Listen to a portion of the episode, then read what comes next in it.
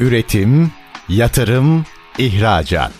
Üreten Türkiye'nin radyosu Endüstri Radyo sizin bulunduğunuz her yerde. Endüstri Radyo'yu arabada, bilgisayarda ve cep telefonunuzdan her yerde dinleyebilirsiniz. Endüstri Radyo.com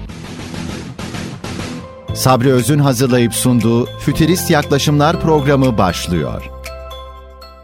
ST Endüstri Radyo'da ben Sabri Öz. Fütürist yaklaşımlardan herkese iyi günler diliyoruz. Efendim bugün e, çok kıymetli bir konuğumuz var. İstanbul Ticaret Odası Yönetim Kurulu üyesi Salih Sami Atılgan Beyefendi bizimle birlikte. Otomotiv sektörü tabii Salih Sami Atılgan denince hemen aklımıza ilk gelen Atılgan Grup üzerinden ee, ama aynı zamanda YETPA başkanlığında yapıyor e, Salih Bey. Salih Bey hoş geldiniz. Teşekkür ediyorum e, Sabri Bey. Nasılsınız? Nasıl gidiyor? Sağ olun. Teşekkür ederim. Ben de öncelikle bizleri davet eden Endüstri Radyo'ya ve bütün çalışanlarına teşekkür ediyor. Başarılar diliyorum. E, bizleri izleyecek olan bütün izleyicilerimize de hayırlı günler diliyorum. Umuyorum istifade edecekleri faydalı bir program olacaktır. Şimdi e, sizin gibi kıymetli arkadaşlarımızın bizim açımızdan çok büyük önemi var. Neden? Çünkü sektör tecrübeniz çok yüksek. Sektördeki yıllarınız var. Yani e, çeyrek asır değil mi? Yanlış bilmiyorsam. Evet. Yani el, çeyrek el, el, 50, 50 yıla e, aşan bir süreçten 50 yıl aşan yarım asır.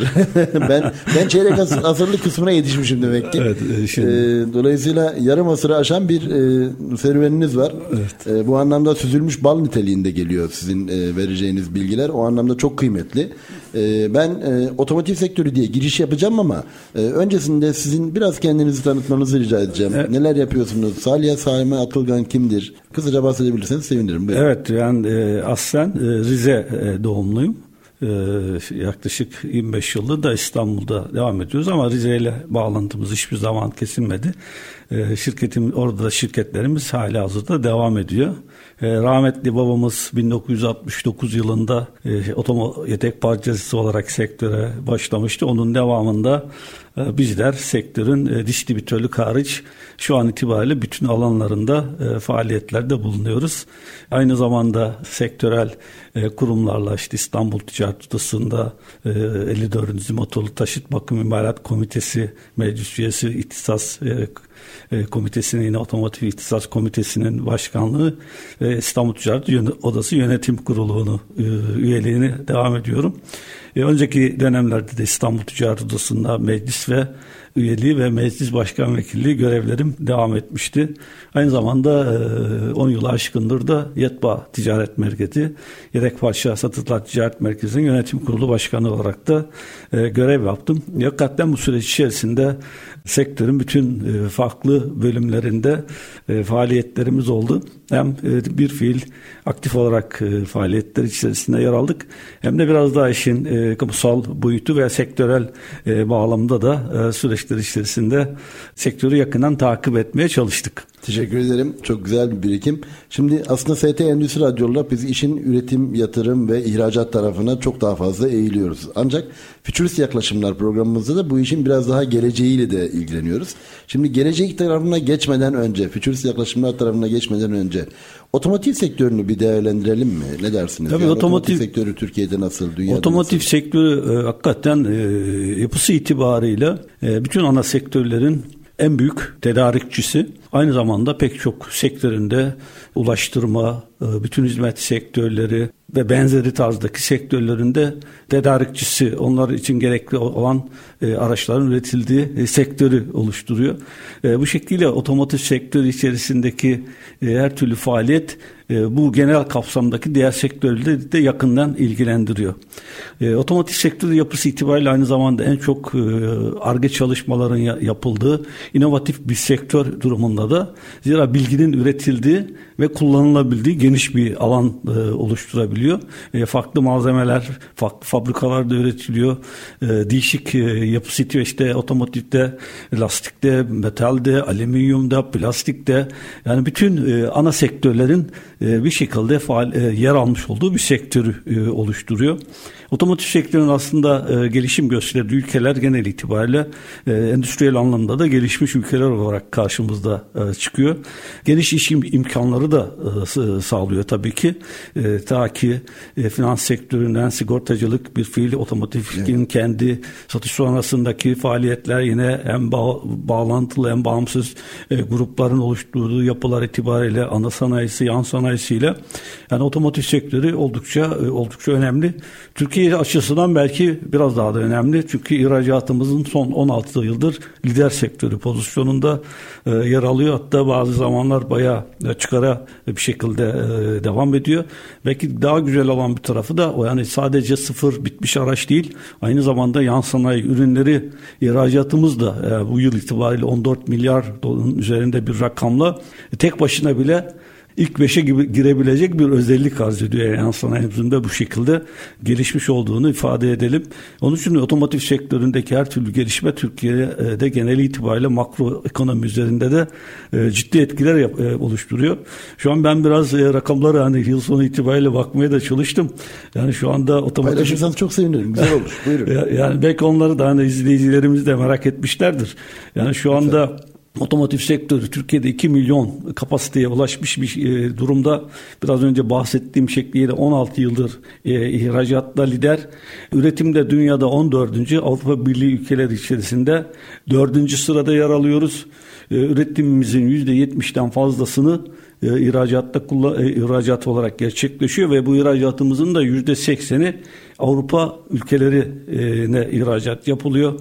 Gayri safi hasıla içerisinde de yüzde beş buçukluk e, bir e, paya sahibiz. E, biraz önce bahsettiğim gibi en çok ARGE çalışmasının yapıldığı sektör. ARGE'nin payı var mı? Yani ARGE Türkiye'de gayri yani, içi bir, bir, bir, birini... bir, birinci sırada olduğunu biliyorum. Hani oransal olarak bilmiyorum ama Peki. yani çok net açık ara birinci sırada olduğunu söyleyebilirim. Yani onu ifade etmem de doğru bir bilgi Buyurun. olacaktır. Bir başka boyutu da aslında Türkiye özgü bir yapıda. Gelir vergileri içerisindeki otomotivin payı da toplamda e, 7.3'lük bir paya ulaşıyor. Ee, sadece toplanan vergilerle ilgili çünkü otomotivde biliyorsunuz doğrudan e, evet. değil de dolaylı vergiler hani özellikle özel tüketim vergisi Hı. kanalıyla elde edilen vergiler var. Burada da bu yıl 441 milyar dolarlık bir vergi e, topladı e, devletimiz. Aslında ve e, bu yönüyle de bütçe rakamları içerisinde de artık vazgeçilemez bir rakam. Maliye düzeyine, politikalarındaki en önemli gelir en önemli ve en kolay tahsilat yapılabilen bir alanı da oluşturuyor. Toplam üretimimiz bu sene 1 milyon 468 bin adet olarak gerçekleşti. Belki bu sene özgü bir durum 2023 yılı 23 yılı içerisinde pazar olarak Türkiye tarihinin en yüksek e, rakamına ulaştık. Yani toplamda e, motorlu e, taşıt vasıtaları olarak 1 milyon 283 bin. Bunun içerisinde bazı rakamlar farklılaşıyor. İşte traktör gibi, e, kamyon gibi araçların e, kat, katılıp katılmadı ama ben toplam motorlu taşıt vasıtaları olarak ifade ettiğimde diğer türlü rakamlarda da yine rekor adetleri ulaşmış durumda. Zaten traktör ve kamyonun payı burada o kadar fazla değil. Toplamda 50 binler civarında seyrediyor. İthalatımız da bu sene fazla arttı. O nedenle belki bu sene otomotiv sektörü açısından dikkat edilmesi gereken makro politikalar bağlamında e, özellikle binek araç ithalatı 815 bin adet gibi e, geçen yılın %79 gibi bir artış gösterdi. E, ihracatımız 1 milyon 18 bin adet olarak gerçekleşti. Orada geçen yıla ancak %5'lik bir fark oluşturabiliyor. Toplam otomotiv ihracatı da 14 milyar dolar Evet. E, seviyesinde yan sanayi olmak üzere 35 milyar 687 milyon liralık bir e, seviyeye ulaştı. E, bu sene hakikaten otomotiv sektörü e, yıl başında ki bir takım belirsizlikler e, vesaire konuşulurken e, yıl sonu itibariyle böylesine rekor sayılabilecek rekor e, adetlere ulaştı. aslında otomotiv sektöründe Türkiye'nin büyük bir potansiyelinde olduğunu ifade edelim. Dünyada en pahalı araç sıfır araç olarak söylüyorum satılan ülke durumundayız özellikle vergi politikaları nedeniyle. Yani Türkiye'de 100 liralık bir araç 220 lira olarak ortalama değerler bağlamında satılıyor. E bunu buna rağmen Türkiye e, araç satışında da oldukça e, ileri bir pozisyonda yer aldığını ifade edebiliriz. Çok önemli rakamlar. Yani Türkiye ekonomisi için hakikaten e, lokomotif babında esasen. Yani diğer sektörleri de çünkü etkileyen bir anlayışa sahip. Otomotiv dediğimiz zaman sadece e, otomobilin kendi üretiminden bahsetmiyor e, durumdayız. Çünkü işte tekstilini de etkiliyor, cam sanayini de etkiliyor, kimya sanayini de etkiliyor. E, Birçok alanında beraberinde etkiliyor aslında. Ama e, otomotiv sektörüne e, safi olarak baktığımızda özellikle vergilendirme konusunda çok büyük sorunlar var diye düşünüyoruz tabii. Yani bu biraz daha e, hani kamuoyundan gelen e, tepki e, münasebetiyle söylemiş olalım bunu. E, ne diyorsunuz? Yani vergilerle ilgili e, değişim beklenir mi? Ya da özellikle otomotiv alıcıları ya da e, satıcıları açısından e, verginin bunca e, yüksekliği, vergi e, oranlarının yüksekliği acaba e, önümüzdeki dönemde nasıl bir seyir gösterir? Şunu ifade edelim tabii programımızdan yanlış bir anlam çıkmasın. Biraz önce bahsettiğim e, rakamlar 100 liralık bir aracın 226 lira gibi bir rakamdan satış yapıldığı doğru. Ama hani şu anda Türkiye'nin içinde bulunduğu şartlar itibariyle herhangi bir vergisel azaltmaya gidileceği vesaire gibi bir şey konuşmuyoruz zaten. Şu an sadece genel e, bilgi verme bağlamında. Beklenti var mı sektörde? Hayır, şu an itibariyle e, Türkiye'de e, özellikle makroekonomik politikalar ve içinde bulunduğumuz süreç itibariyle e, herhangi bir ben de şahsen e, vergi ile alakalı bir e, durumun ortaya çıkacağını pek e, zannetmiyorum. Hatta e, genel itibariyle yılbaşlarında OTV baremlerinde bir takım iyileştirmeler de yapılırdı. Çünkü belli grup araçların yani, insanların artık sıfır araç alma şeyi ortadan tamamen kalkmış oluyor yüksek. Çünkü bir dönem ve- hani vergiler ikinci, ikinci el araçların bile böyle fiyatlarının neredeyse sıfırlarla e, rekabet edeceği Yani şu- hatta avantajlı hale gelebileceği vesaire falan 2023'ün son çeyreğinde çok konuşulan e, hikayeler. Ama şu an tabii içinde e, gördüğümüz biraz önce ifade ettiğim e, rakamlar, istatistikler e, yani rekor satışların gerçekleştiği bir dönemde e, böylesine satış şartları bir takım tedbirlerin tek, ilaveten devreye gireceğini söylememiz çok mümkün değil. Tabii Türkiye'nin yapısı itibariyle şunu yani dış ad- adetleri bağlamında e, sektör 2023'te oldukça iyi rakamlarla kapadı. Ama sektörün şöyle temel bir problemi var. Bunu geçen sene başlarında da belki konuşmuş olsaydık veya konuşmalarımızda hep bunları ifade ettik. En temel sorun belirsizliklerle ilgili. İşte 2024 yılı e, şu kaygıyı taşıyor herkes. Yani 1 milyon 232 bin otomobil satıldığı bir ülkede e, bu sene en iyimser tahminler 1 milyon civarında ki genellikle 700 binlere kadar bu adetler düş, düşüyor. Ee, şu anda özellikle distribütör firmalarının üst yöneticilerin ifade ettiği rakamlar olarak bunları söylüyorum. Tabii 1 milyon aslında Türkiye için iyi bir rakam. Yani 10 yıl ortalamasının e, üstünde rakamlardan bahsediyoruz. E, bu sene e, oldukça iyi rakamlara ulaştı. E, bu tabii biraz e, cari e, açık anlamında genel itibariyle son yıllarda otomotiv sektörü katkı sağlayan, e, cari açık fazlatı veren bir sektördü. E, bu sene e, öyle olmayacak gibi yani son rakamlar açıklandığında e, çünkü ithalatımız da ciddi bir şekilde artış gösterdi. E, biraz önce bahsettiğim şekilde. Şimdi, evet. Şimdi ondan onu soracaktım aslında. Ee, özür dileyerek böldüm ama izin verirseniz hatta başkanım demek istiyorum size. Çünkü İstanbul Ticaret Odası'nın da bir mensubu olarak e, siz aynı zamanda bizim e, İstanbul Ticaret Odası'ndaki başkanlarımızdan bir tanesiniz. Gönüllerimizin de başkanısınız ayrıca. Tartışmasına gerek yok. E, şöyle söyleyeceğim. 2002 yılından itibaren aslında döviz kurundaki sabitlemeye daha doğrusu yaklaşık sabitleme diyelim. Hani bir sabitleme politikası değildi elbette ama sonuçta e, döviz değerinin çok fazla yükselmemesi ve TL'nin e, değer kaybetmemesi münasebetiyle bazı alanlarda otomotiv dışı için de söylüyorum bunu. Bazı alanlarda üretimdense ithal etmenin daha mantıklı olduğu ve bu nedenle de üretimden dahi vazgeçtiğimiz e, şeyler var, e, alanlar var. Bu durumda olan otomotiv yedek parçası da var mıdır? Yok şu an Türkiye'de zaten e, endüstrinin yapısı iti, yapısı itibariyle Türkiye e, hafif ticaret araç üretiminde Avrupa'da lider. Ama binek durumda aynı pozisyonda değiliz. Yani Türkiye'de binek araç üretimi e, genel itibariyle ithal araçlar her zaman daha fazladır. İç talepteki artıştan kaynaklanan nedenlerle binek araç grubundaki e, ithalat artışı oradaki, rakam, oradaki rakamları daha yukarı taşıdı. Yoksa üretimdeki bir e, e, kayıp itibariyle değil. Yani yüzde 75'lere yaklaşan e, kapasite kullanım oranında sahip bir sektör bu yıl. Bir miktar daha belki üretilebilirdi ama geçmiş dönemden devam eden e, tedarik sorunları, lojistik problemler vesaire e, kısmen onların etkisi halen daha e, 2023'te de özellikle senenin başlarında hissedildiğini ifade edebiliriz. Çok teşekkür ederim Salih Bey. E, Sayın Başkanım e, izin verirseniz kısa bir araya gidelim şimdi. Efendim e, ST Endüstri Radyo'da Futurist Yaklaşımlar'da bugünkü konuğumuz Salih Sami Atılgan Beyefendi. Kısa bir aradan sonra tekrar birlikteyiz. Bizden ayrılmayın lütfen. Üretim, yatırım, ihracat. Üreten Türkiye'nin radyosu Endüstri Radyo sizin bulunduğunuz her yerde. Endüstri Radyo'yu arabada, bilgisayarda ve cep telefonunuzdan her yerde dinleyebilirsiniz. Endüstri Radyo.com ST Endüstri Radyo'da bugünkü konuğumuz Fütürist Yaklaşımlar'da Salih Sami Atılgan Beyefendi.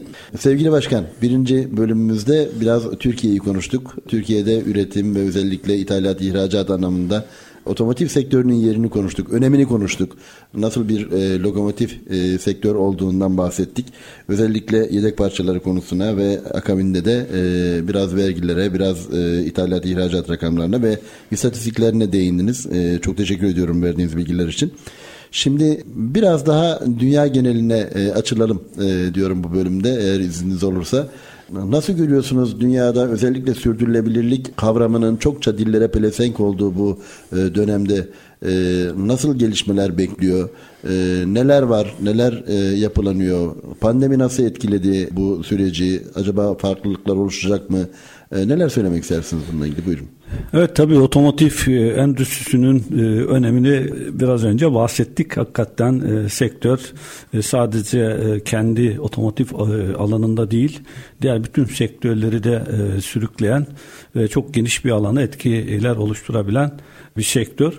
Tabii sektörün özellikle sürdürülebilir kavramıyla bağlantılı olarak e, en çok etkilendiği alanlardan bir tanesini oluşturuyor. Özellikle son dönemlerde otomotiv sektörünün gelişimini ve ARGE çalışmalarının ortaya çıktığı en büyük alan. Nihayetinde sürdürülebilirlik, insan e, varlığının yaşamı ve geleceği gibi konular ön plana çıktığı anda itibaren her şey farklılaşabiliyor.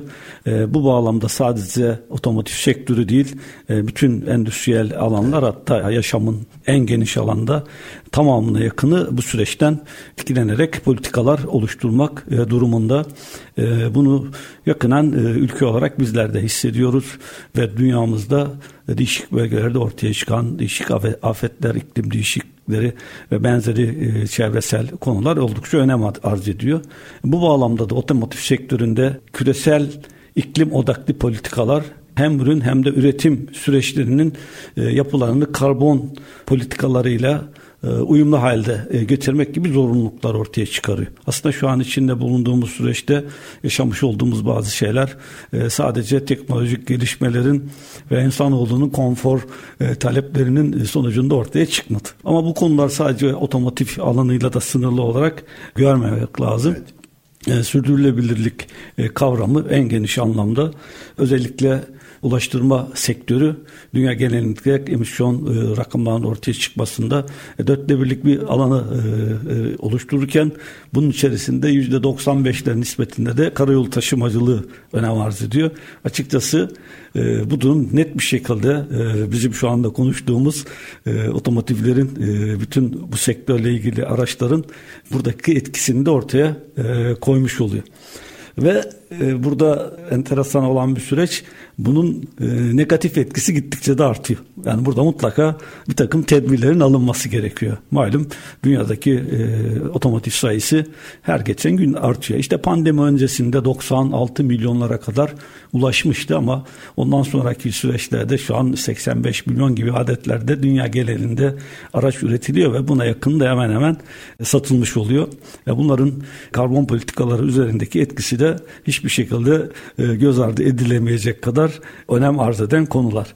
E, bu konularla bağlantılı olarak özellikle sektörde yükselen ARGE yatırımları yine yapılacak her türlü çalışmanın aynı şekilde rekabet e, gücünün de e, ortaya çıkmasını gerekli kılıyor. İşte alternatif enerji kaynakları evet. enerjiyi konuşurken hidrojen konusu konuşuluyor ama oradaki maliyetler an itibariyle oldukça yüksek düzeyde seyrediyor ki olayı tamamen elektrikli araçlar süreç itibariyle özellikle binek araçlarda daha hafif araçlarda domine etmiş durumda. Daha çok başlangıçta galiba hidrojen enerjisi ve hidrojen tüplerinin yaygınlaşması meselesi daha ARGE aşamasında.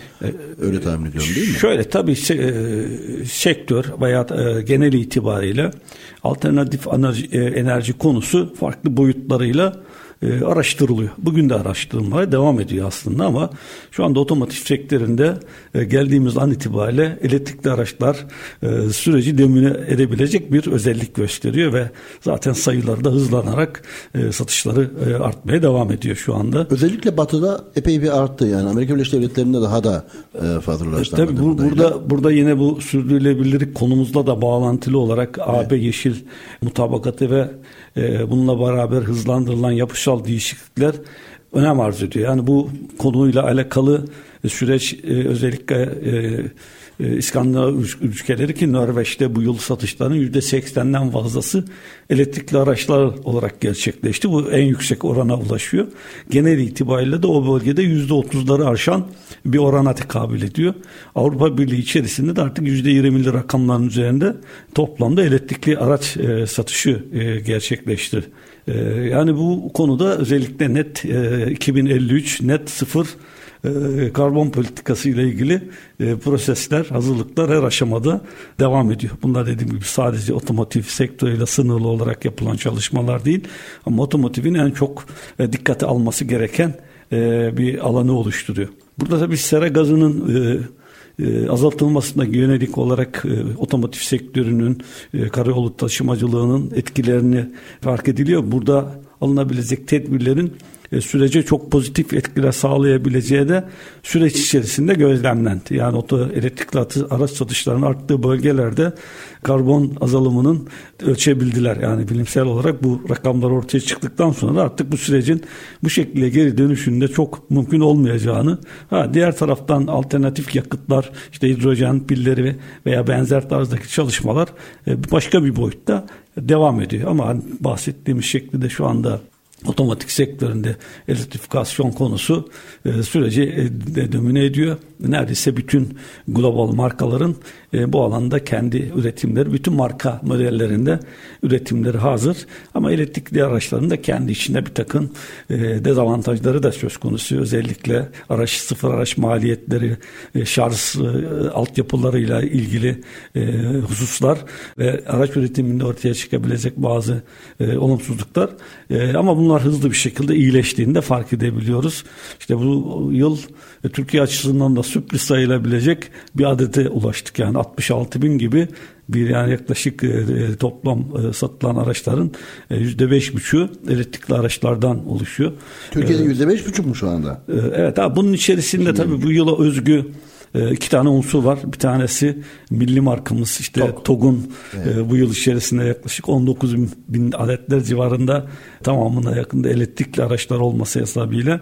İkinci bir etken de Tesla'nın da bu yıl ilk defa Türkiye'ye girmiş olması ve orada birikmiş e, taleplerin bu şekilde e, rakamları beklenenin çok çok üzerinde bir adetlere e, taşıdı. Ama bir şekilde Türkiye'de elektrikli e, araçlarla tanışıyor ve onlarla ilgili altyapılar hızlı bir şekilde e, yaygınlaşıyor. Yani e, tabii bir süreçin öncüsü olmak e, bazen dezavantajlar peşinde getirebiliyor. İnsanlar bazı zorlukları yaşıyorlar. Bunu araca da mal edebiliyorlar. İşte e, şarj problemleri nedeniyle çok özgür hareket edeme, edemeyebilme, bazen sıkıntılar çekme gibi konular. Bunlar ilerleyen süreçlerde çok ya, daha yaşadığınız hikayeler var mı bununla ilgili? Valla ben ke, ben de kendim bir elektrikli araç kullanıyorum. Yaklaşık 12 bin e, kilometre tamamladım. Yani şu bir gerçek elektrikli araç kullanıcıları planlama yapmak zorunda. Yani diğer araçlar gibi e, çok özgür olamıyorsunuz. Yani o süreçlerde. Özellikle istasyon münasebetiyle mi? Yani e, şarj etme e, şu an işte şarj istasyonlarını her yerde bulamayabiliyorsunuz e, veya onun süresi de uzun sürüyor. Yani sadece istasyon e, bazen bir elektrik prizi de yeterli olabiliyor ama onun süresi uzun sürebiliyor. Onun için yani biraz daha planlı olmak ve özellikle gece şarjı yani gündüz içerisinde elet, e, aracınızın full elektrik kapasitesinin dolu olması her şey ben bir zorluk çekmedim açıkçası. Yani özellikle şehir içinde her türlü e, ulaşımla alakalı konularımı çok rahat bir şekilde hallettim ama her gece gittiğimizde e, arabamızın şarjını fullleyerek hareket ediyorduk. Ve bu biraz o anlamda bir disiplin de gerektiriyor. Yani biraz daha günü planlamak ses, gerekiyor. Ses konusunda da galiba enteresan şeyler var değil mi? Yani sadece asfalt sesini alıyor içeriye. Ya Durduğu tabii zaman da ses ses. Ses konusu biraz ikinci planda kalan bir konu ama hakikaten araçları bazen elektrikli araç kullanıcıları araçlarını e, stop ettirip ettirmediklerini fark edemeyebilecek derecede. Hatta bazı araçlarda e, bununla ilgili ufak tedbirler de alınmış yani tamamen. Özellikle seyir halindeyken yayalarla ilgili olan e, irtibatlarında bir olumsuzluk yaşanmasın diye. Tabii elektrikli araçlar ana şu anda konu başlığımız olan şekliyle sürdürülebilirlik kısmıyla çok alakalı. Ya sadece işte sessiz oldukları için teknolojinin çok daha ileri derecede kullanılan araçlar oldukları için değil. Aynı zamanda işte Norveç'te e, ciddi bir e, teşvikler söz konusu. Aynı zamanda kısıtlamalar da e, söz konusu. Doğal olarak araç sahibi olmak isteyen kimseler elektrikli araçlara yöneldiler. Bu Avrupa'nın pek çok yerinde de e, veya gelişmiş ülkelerde sadece Avrupa diye de sınırlandırmayalım. İşte Singapur gibi yine Japonya'da e, veya özellikle Çin konusun Çin ülke olarak burada çok çok özel belki ona da evet. kısmen de, değinmek gerekiyor. Elektrikli araçların e, dünyada %50'ne fazlası Çin'de satılıyor an itibariyle. Yine üretim adetlerinde benzer şekilde önemli bir kısmı e, Çin'de üretiyor. Çin'in bu konuda elektrikli araçlarla ilgili otomotiv sektöründe çok farklı bir boyutta e, yer alma havesi var. Bununla ilgili şu an dünya genelindeki e, alışık olduğumuz e, klasik global markaların e, zorluk çektiği ve Çinli markaların Avrupa'ya hızlı bir şekilde girmeye başladığını aynı zamanda ülkemiz için de geçerli bu. Evet. Bunu da gözlemliyoruz. Bir buçuk milyarlık nüfustan bahsediyoruz aslında Çin deyince ama nüfus tek etken değil galiba. Teknolojik olarak da kendilerini çok geliştirmişler. Çünkü aynı zamanda bir buçuk milyarlık nüfusa sahip olan Hindistan'da var. Ee, geçen haftalarda Hindistan'daydık biz ve Hindistan'da e, elektrikli araç sayısı ve üretim konusunda aynı e, seviyede değiller. Yani çok daha aşağıdalar. Demek ki e, teknolojik anlamda da çok önemli, ARGE anlamda da çok önemli çalışmalara e, gebe bir... E, Tabii Çin e, özellikle e, yeni nesil elektrikli araçlar konusunda e, devlet politikaları bağlamında da çünkü e, elektrikli araç üretimini ve kullanımını hatta ihracatını ciddi bir şekilde süspanse eden politikalar da izliyorlar. Onun için şu anda e, Çin e, marka araçlarıyla rekabet etmekte diğer e, üreticilerin ciddi zorluklarla karşılaştığını, Türkiye'de de bununla ilgili özel tedbirler, vergisel bazı arttırımların devreye girdiğini yılbaşı itibariyle yakın tarihte gözlemliyoruz. Bunlar olmak zorunda çünkü Çin bu anlamda çok agresif bir yaklaşımla çok daha rekabetçi politikalar izleyerek pazarın neredeyse tamamını domine edebilecek özellikler arz etmeye başladı. Sadece bir e, e, rakam olarak Türkiye e, 2023 yılına kadar e, Avrupa ekonomik alanı dışından Avrupa'ya en çok ihracat yapan ülke pozisyonundaydı e, yıllardır. Geçen sene Çin e, birinciliği bizden almış oldu. Yani özellikle elektrikli araç ihracatındaki artışla beraber. Araç ihracatı, bitmiş tabii, araç. Bitmiş araç, sıfır araç ihracatından bahsediyorum. Avrupa Birliği kendi dışından en çok aracı Türkiye'den ihracat, e, evet. ithalat yapıyor ki yaparken e, şu an Çin e, bizi geçmiş oldu ve hızlı bir şekilde de yaygınlaşıyor. Tabii şu an e, Çin'e karşı bir takım korumacı e, tedbirler alınıyor. Avrupa içinde de geçerli. Ama hani Çin'in e, global anlamda yerlime politikaları da var. Şu an Avrupa değil hatta Türkiye'de de bir takım araçların üretimine yönelik olarak bir takım görüşmelerin devam ettiğini, işte Macaristan'da bir Çin marka aracın yakın tarihte üretime geçeceğini, e tabi bu e, bir takım tedbirlerin de e, evet. devreden kalkmasına evet. vesile olabilecek özellikler arz ediyor. Şimdi hakikaten elektrikli araçlar konusunda özellikle e, elektrikli araç bataryaları üretimindeki e, ham madde avantajını da iyi bir şekilde kullanarak e, şu anda sektörde çok önemli hatta bir numaralı aktör durumuna e, şu an itibariyle geçmiş ve durumunu giderek de kuvvetlendiriyor çok agresif aslında. Yani genel itibariyle pek çok alanda zaten agresif bir yapıya sahip ama sanayi politikaları ve teknoloji yönetimini hakikaten çok e, enteresan bir şekilde e, agresif bir yapıyla bütün dünyada yayılmacı bir politika e, izleyecek şekilde de sürdürmeye devam ediyor. Şimdi e, sizin tezinizden de bahsetmek istiyorum aslında ama biraz daha e, önümüzdeki son e, bölümümüzde inşallah o bölüme girelim. E, sevgili e, hocamız Profesör Doktor Mehmet Tanyaç hocamızla birlikte yazmakta olduğunuz bir çok önemli e, teziniz var. Doktora teziniz var bu anlamda. E, ama e, işin gelecek fütüristik yaklaşımlarıyla birlikte son e, bölümümüzde ele alalım diye e, düşünüyorum bugün görürseniz başkanım. Evet inşallah.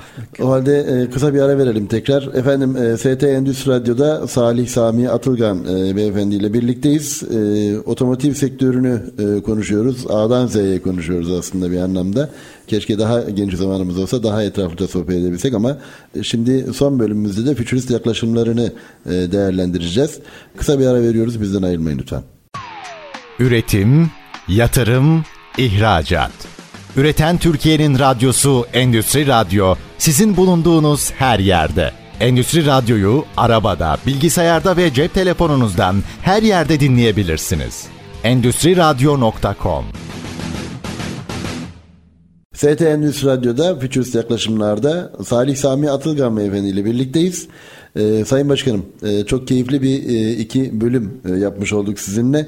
Şimdi dilerseniz e, işin biraz daha fütüristik yaklaşımlarına e, gireceğiz ama ben dilerseniz e, öncesinde birinci ve ikinci bölümdeki konuştuklarımızı kısaca bir özetleyeyim. Birinci bölümde e, Türkiye'yi biraz daha değerlendirmiş olduk. Otomotiv sektörü genel itibarıyla ekonomideki e, rolünü değerlendirmiş olduk. İkinci bölümde biraz daha işin sürdürülebilirlik ayağını ve dünya genelinde e, neler oluyor, neler bitiyor onları e, konuştuk. Çin'i konuştuk. Özellikle e, işte e, Norveç gibi İskandinav ülkelerini konuştuk. Ve şimdi biraz daha işin fütüristik yaklaşımları tarafına e, gelelim istiyorum sizinle. Bundan sonraki aşamalarda sizce otomotiv sektörü ve tabii yedek parçayı da aslında beraber değerlendirmek lazım belki. Hatta bir önceki bölümde aslında soracaktım şey olmadı fırsat olmadı. Yedek parçalar anlamında neler değişiyor mesela elektrikli araçlar dediğimiz zaman ama bunun tabii bu bölümde sadece elektrikli araçlarla sınırlı kalmayalım. Eğer arzu ederseniz otonom araçlara da şöyle biraz girelim. Evet. Buyurun efendim. Ee, evet tabii şu an otomotiv e, sektörü hakikaten çok hızlı bir değişim ve gelişim süreci yaşıyor. E, bu süreç zaten e, başlayalı epeyli oldu. Yani bunu günlük yaşamımızda da fark ediyoruz. Birkaç sene öncesinde işte elektrikli araçlar, şarj istasyonları, işte otonom araçların işte örneklerini, prototiplerini konuşurken şu anda bunları artık kendilerimizde kullanmaya başladık ve süreç hızlı bir şekilde e, ilerliyor.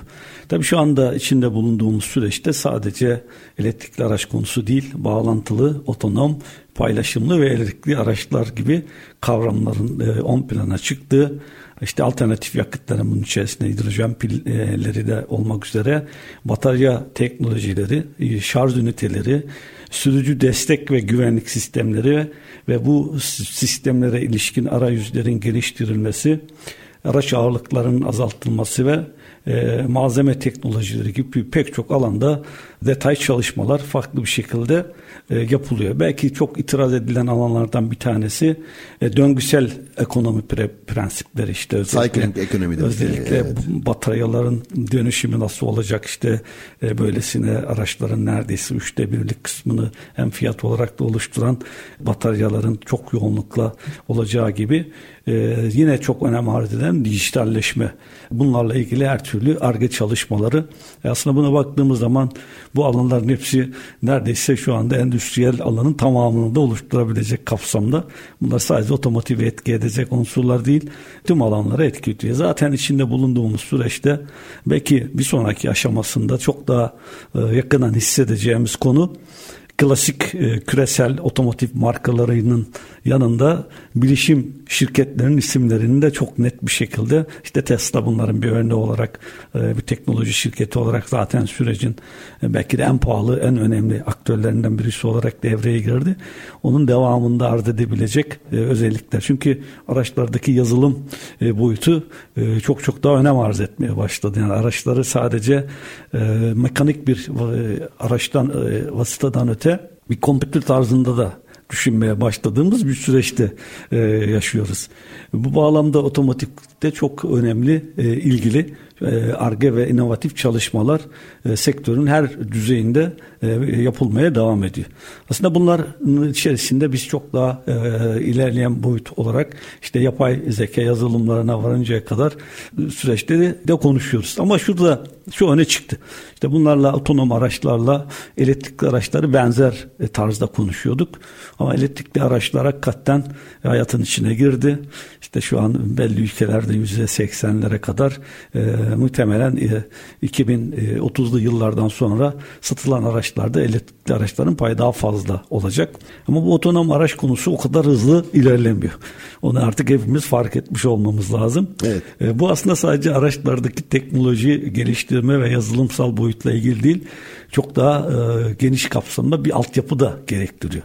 İşte şu an Türkiye gibi ülkeler e, de katabiliriz bu statüde.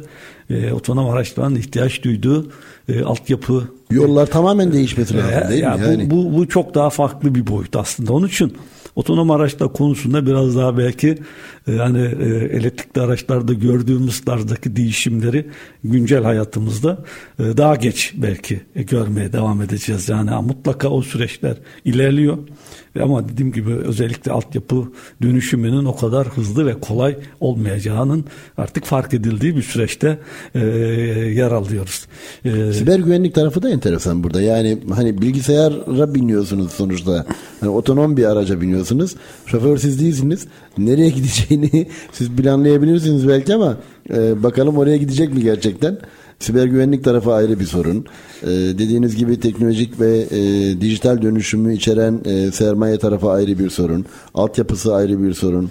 Evet. Şimdi tabii burada e, son dönemlerde siz de e, konuşmanın bir yerinde bahsettiniz. Yani sadece nüfusla bağlantılı değil ama işte ülkelerin bu e, noktalarda son yıllarda genel ekonomiler bağlamında daha milliyetçi, daha tutucu hani o küreselleşme, globalizasyon vesaire dediğimiz kavramların tekrar biraz daha daha tutucu ve e, ulusal mı gidecek ulusal politik yani bunu görüyoruz, hissediyoruz yani sonuç itibariyle şu anda e, bunlar geniş kapsamda daha fazla konuşulmaya başlandı. Sevgili e, rektörümüz Murat Ali Yürek aklıma geldi. Aslında bu noktada e, belki bugün hiç, hiç bahsetmedik ama ondan da biraz bahsetmiş olalım. Kendi milli markamız yani TOG'un bu şekilde devreye girmesinde ne kadar önemli olmuş olduğunu fark ettik. Yani şu an TOK e, bu yıl e, işte 20 bine yaklaşan bir araç adetiyle e, Türkiye'deki elektrikli araç satışının bu derece yükselmesine ve devamında da onunla ilgili altyapı dönüşümlerinin artmasına vesile olabilecek bir özellik arz ediyor. Bu bağlamda Türkiye açısından otomotiv sektöründe yerleşme hani ülkemiz bir üretim üssü e, bu e, ana sanayimizle beraber yan sanayimiz açısından da çok e, önem arz eden bir konu. Yerleşme süreçleri ki yani şu anda konvansiyonel araçlarda e, Türkiye yan sanayisi e, bir araçlarda üretilen e, veya üretilebilecek her türlü aracın yüzde doksanlar nispetinde parçasını üretebilecek bir kapasiteye yani en üst kalitede e, üretilebilecek bir kapasiteye ulaşmıştı. Ama bunun aynı şekilde yeni e, araçlar bağlamında da e, dönüşümünün olması gerekiyor. E, zira iklim bağlantılı oluşturulan politikalar e, sadece ürünün değil ürün üretme süreçlerini de kapsayacak şekilde bir değerlendirme arz ettiği için e, sürdürülebilirlikle ilgili konularda yan sanayimizin de bu dönüşümleri kendi özelinde yakalamış olması gerekiyor. Yani Türkiye'de global markalarla entegre olmuş bir sistem var. Pek çok e, yan sanayi şirketimiz aslında bu konuları yakından takip ediyor.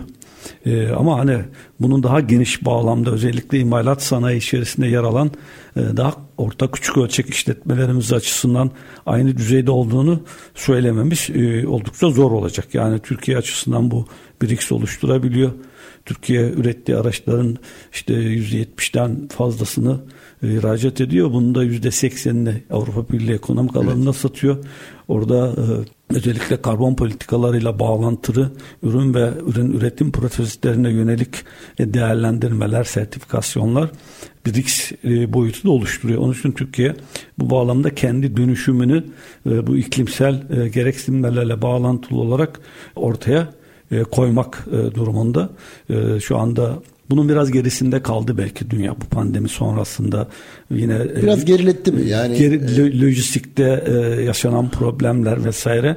E, ama e, sonuçta insan varlığını tehdit eden bir unsur olduğunda bu hemen e, birinci sırayı yer alabiliyor. Onun için yani bizim e, iklim politikalarına yönelik olarak herhangi bir kayıtsızlık kalmamız söz konusu olamayacak bu süreçlerde. Yani şu an belki burada bir gevşeme varmış gibi görünse de hemen akabinde o arada kaybedilmiş zamanların telafisine yönelik olarak da çabalar devreye giriyor. Tabii rekabet avantajını yitirmemek için buna zorunluyuz zaten. Yani bu bu gelişmeyi sağlamak zorundayız. Ya insanoğlu işte değişik felaketlerle karşılaştığında ve bunların sebebinin işte iklimle bağlantılı e, evet. olaylar olduğunu fark ettiğinde buna etki eden unsurları ortadan kaldırmaya yönelik olarak çok daha yoğun e, tedbirler almak e, durumunda kalacak. İşte demin e, Çin e, bağlamında konuştuğumuzda aslında e, şu anda e, işte benim doktora tezimde de bahsettiniz literatür çalışmaları yaparken şunu fark ediyorsunuz. Yani benim tezim de elektrikli araçlarla ilgili olduğu için evet. e, Hindistan'ın aslında burada e, akademik alanda çok geniş bir çalışma içerisinde olduğunu fark ediyorsun. Evet Çin birinci durumda ama hemen peşinden de özellikle e, literatür çalışmaları elektrikli araçlarla e, ilgili konular ve elektrifikasyon konusuyla alakalı baktığımızda e, Hindistan'ı görüyoruz. Aslında e, Hindistan'da bu, Haydarabad'da TİHAP denen bir yer var. İnovasyon merkezi. Dünyanın en büyüklerinden olduğu ifade ediliyor. E, ciddi çalışmalar var bu anlamda. Görme imkanımız oldu. Buyurun. Tabii bugün tabii konumuz o değil ama özellikle Amerika Birleşik Devletleri'nin Çin dengelemeye yönelik olarak Hindistan'a e, bu anlamda daha destek olucu bir takım politikaları da devreye soktuğunu da e, ifade ediliyor ve e, bunun gerçeklik payı da var. Aslında bu otomotiv sektöründe de Hindistan'ı önümüzdeki dönemlerde da çok daha fazla duymaya başlayacağız. Yani global markaların üretimlerin tekrar geri çekmesi çok mümkün değil. Özellikle iş gücü fiyatları ve diğer faktörler nedeniyle hani tekrardan Avrupa bir üretim merkezi olma cazibesi yok. Ha, Doğu Avrupa ülkelerine yönelik olarak e, bir takım e, yatırımlar söz konusu ama genel itibariyle global anlamda rekabete ağırlık verecek e, markaların e, Çin veya e, şu an alternatif olarak da özellikle Hindistan'ı tercih edecekleri e, çok net bir şekilde ortaya çıkıyor ve önümüzdeki dönemlerde e, Çin'le beraber Hindistan'ı da özellikle otomotiv sektöründe daha fazla e, konuşacağız veya başka sektörlerde de sadece otomotiv sektörü. Aslında. Çin veya Hindistan her ikisi içinde yani coğrafi anlamda baktığımız zaman Avrupa ve Batı tarafına yani sermayenin daha güçlü olduğu taraflara bakmaya e, kalktığımızda aslında üretim ve üretim lokasyonlarının, üretim merkezlerinin bu bölgelerde olması, bizim bölgelerimizde olması daha cazip olması lazım onlara. Çünkü e, her halükarda bir e, lojistik sorunu var. Yani ciddi bir navlun sorunu var. İşte geçen evet. haftalarda da yaşadık mesela. Evet tabii şimdi hani konuşta e, lojistik konumuz da aynı zamanda olduğu için Türkiye'nin bu anlamda çok ciddi avantajları var. Yani Türkiye bir kere işte bu otomotivde yakalamış olduğu avantajlarını devam ettirebilme evet. e, imkanlarına da fazlasıyla sahip. E, bu noktada e, özellikle karbon politikalarıyla ilgili bir takım desteklerin hızlı bir şekilde devreye girmesi gerekiyor. Türkiye'nin bahsettiğiniz şekliyle e, ciddi bir e, coğrafi konumundan kaynaklanan avantajları kaliteli sayılabilecek e, genç ve dinamik bir nüfusu yine hakikaten bir takım ekonomik problemler yaşasak da ee, bunları çok hızlı bir şekilde üstesinden gelebilecek bir ekonomik e, dinamizmi var ve otomotiv sektöründe de oldukça e, ciddi bir tecrübe ve deneyime sahip e, sadece ana sanayi değil yan sanayimiz mevcut. Ben bu anlamda Türkiye'nin otomotiv sektöründe önümüzdeki dönemlerde de özellikle yakın coğrafyamız ve Avrupa Birliği de buna dahil olmak üzere önemli bir aktör olmaya devam edeceğine inanıyorum. İnşallah. Ama bu yeni trendleri de içinde olmamış şartıyla tabii ki. İnşallah. Efendim çok güzel bir söyleşiydi. Zaman çok çabuk geçti ve üçüncü bölümümüz de bitmek üzere. Son e, bir şeyler söylemek isterseniz alabiliriz. Ondan sonra da programımızı yavaş yavaş toparlıyor olacağız. Evet tabii şu an 2000 e, geneli itibariyle ifade edecek olursak 2024 yılı belki 2023 yılı gibi bir yıl olmayacak ama e, o göstergeler, işaretler e, o şekilde. E, ama hani Türkiye'nin e, dinamik yapısı ve bundan sonraki süreçlerde e, özellikle ekonomi de sağlayabileceği e, stabilizasyon e, sektörün aslında önünü açabilecek unsurlardan bir tanesi olacak. Zira sektörde son dönemlerde e, ciddi anlamda dış yatırımın olmadığını görüyoruz ama e, şu anda Türkiye'nin özellikle ekonomik performansının ve iyileşmeler, iyileşmelerin devreye girmesiyle beraber e, o anlamda da e, yatırımları ülkeye çekebilecek bir cazibe merkezi yönü ortaya çıkacaktır. E, ben e, Türkiye'nin o dinamik yapısı, dinamik e, ekonomik performansının e, her türlü güçsüz e, olumsuzluğun üstesinden geleceğine e, inanıyorum. İnşallah önümüzdeki yılda kötümser senaryoların değil de iyi senaryoların on plana çıktığı bir yıl olacaktır. İyileri düşünelim hep iyiler gelsin inşallah ülkemize. İnşallah. Teşekkür ederim. Efendim e, FT Endüstri Radyo'da bugün konuğumuz Salih Sami Atılgan Beyefendiydi. Çok güzel bir e, sohbet oldu. Özellikle otomobil, e, otomotiv sektörünü değerlendirmiş olduk Türkiye'de ve dünyada. Akabinde de e, özellikle e, fütürist yaklaşımlarda bizleri neler bekliyor onları konuştuk. E, bu arada e, Ulusların Yükselişi e, adlı e, eseriyle Profesör Doktor Murat Ali Ülek hocamızı da e, almış olduk. E, bir e, ulusallaşmanın acaba önümüzdeki dönemde daha fazla yer mi bulacağı sorusunun cevabı olarak. E, yine e, Mehmet Danyaş hocamızı, Profesör Doktor Mehmet Danyaş hocamızı da almış olduk. Onlara da selam olsun buradan. Ve e, bugünkü programımızda bu şekilde kapatıyoruz. Efendim haftaya farklı e, konu ve konuklarımızla tekrar buluşmak üzere diyelim. İlim yolunda bilim aracından inmemek dileğiyle diyelim. Görüşmek evet, üzere. Ben de e, Endüstri Radyo ve sizlere teşekkür ediyor. Umarım e, izleyicilerimiz açısından da faydalı bir program olmuştur. Herkese Muhakkak. hayırlı günler diliyorum. Muhakkak müstefid olduk efendim. Çok teşekkür ederim.